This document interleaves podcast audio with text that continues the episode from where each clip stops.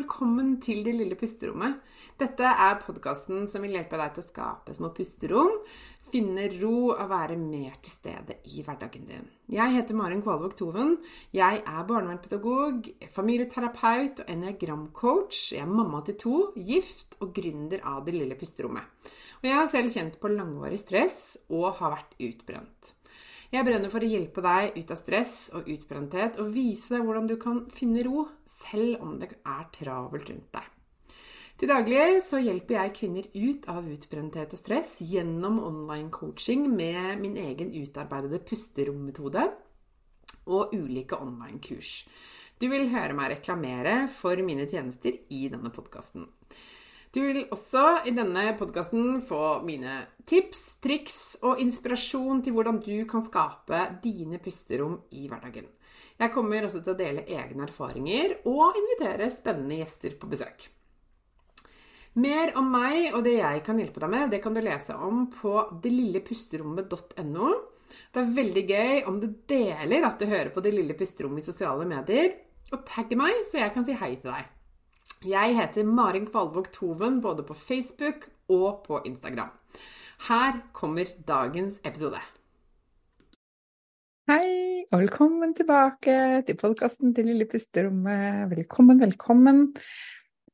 I dag så har jeg lyst til å utfordre litt en tankegang som eh, jeg hører ganske ofte, og som jeg tror mange av oss kan, kan, ha, kan ha, uten eh, at vi kanskje er helt klar over det, eller uten at vi er liksom bevisst på hvordan det påvirker oss.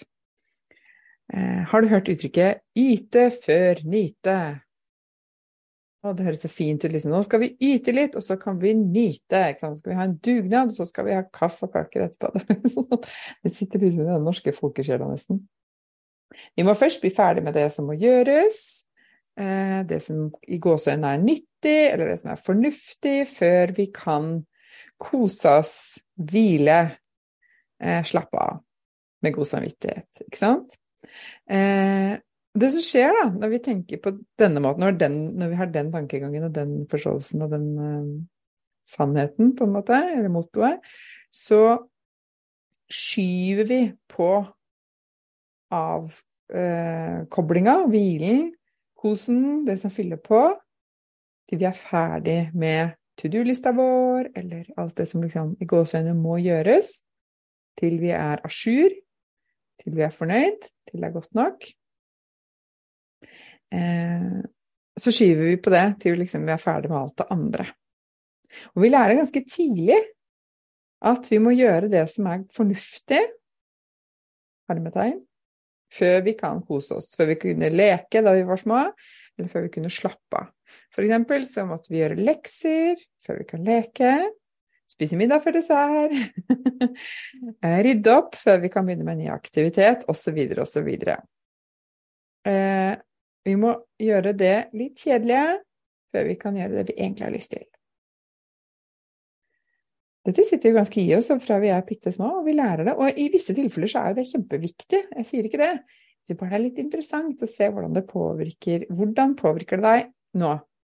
Og jeg, fra mitt eget liv, så, så tok jeg med meg dette inn i voksenlivet mitt. Jeg sa til meg selv, eh, bevisst og ubevisst, at jeg måtte gjøre eksempel alt husarbeidet før jeg kunne sette meg ned.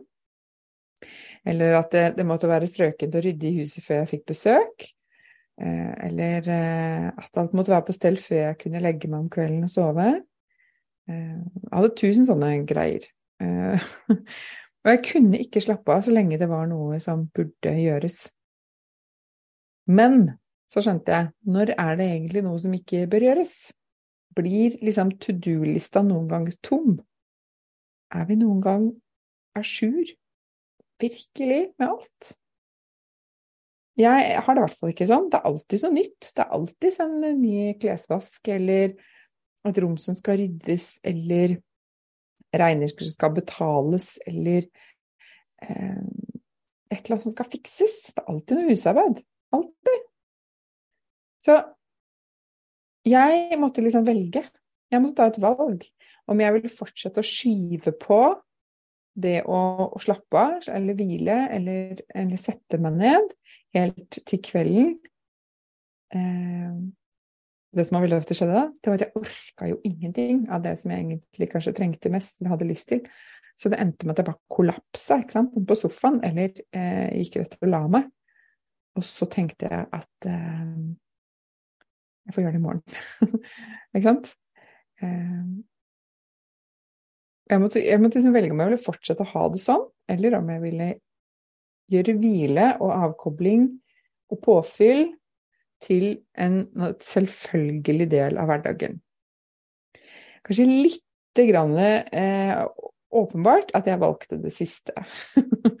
jeg tror jo at det gir både bedre helse, mer glede, mindre stress å ta dette valget. Dette er jo et bevisst valg jeg har tatt. Det er ikke sånn 'Å, så heldig jeg er som kan gjøre det'. Nei, det har, det har jeg valgt å gjøre. Eh, for selv om vi lever i en kultur og en tid hvor vi blir minnet på at vi må yte først, og så nyte, så går det an å ta et annet valg. Fordi det er bedre for deg. Fordi du vil det, og fordi du kjenner at det den måten du har gjort det på fram til i dag, ikke er bærekraftig. Ikke det valget har jeg tatt. Så i stedet for å utsette denne i gåseøyne nytingen, jeg kaller det for nyting i dag, et ord jeg kanskje ikke har hørt så mye før, men det ble det i dag Så i stedet for å utsette det til du ikke orker mer, og det fører til at du kanskje skyver det over til neste dag i stedet for, sånn som jeg sa i stad, så vil jeg anbefale deg å prøve dette her. Sett hvile, avkobling, pause høyere opp på lista di, gjerne på toppen. Hvis du har en mental eller en fysisk konkret liste, hvis du bare plasserer pausene, hvilen, avkoblingen, eller det du syns er gøy, øverst på lista di, se hva som skjer.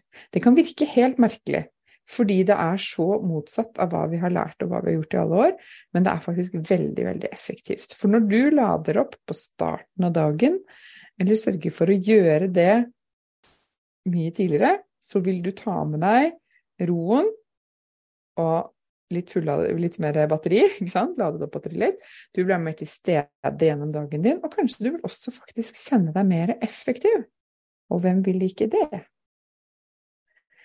Det har jeg i hvert fall liksom hørt fra så, fått tilbakemeldinger fra så mange av kundene mine, og jeg ser det hos medlemmene jeg har inne i, i fellesskapet mitt, pusterommet, hele tiden, at når de prioriterer hvile, setter det på timeplanen og får det liksom satt litt i system, så kjenner de på mer overskudd, og det er mindre stress. Og da gjelder det å gjøre det like selvfølgelig som å pusse tenna. Du skyver ikke, i hvert fall de fleste av oss, de utsetter ikke den tannpussen sånn kjempemye. De, de gjør den til faste tider. Før man kommer seg ut døra om morgenen, eksempel. Eller før man legger seg om kvelden. Du lurer ikke så veldig mye på det, fordi du har gjort det til en fast rutine og en, en vane, ikke sant? Eh, og det kan du også gjøre, sånn at du faktisk kan nyte før du yter, eller fylle opp før du tappes. Lade før du bruker opp hele batteriet ditt, ikke sant? Hvile før du blir sliten. Så det er liksom dagens tips fra meg til deg i dag, som jeg håper du har lyst til å sjekke ut. Jeg har i hvert fall eh, veldig god effekt av det selv, og ser mange av kundene mine har det samme. Så det er mitt lille stalltips til deg i dag.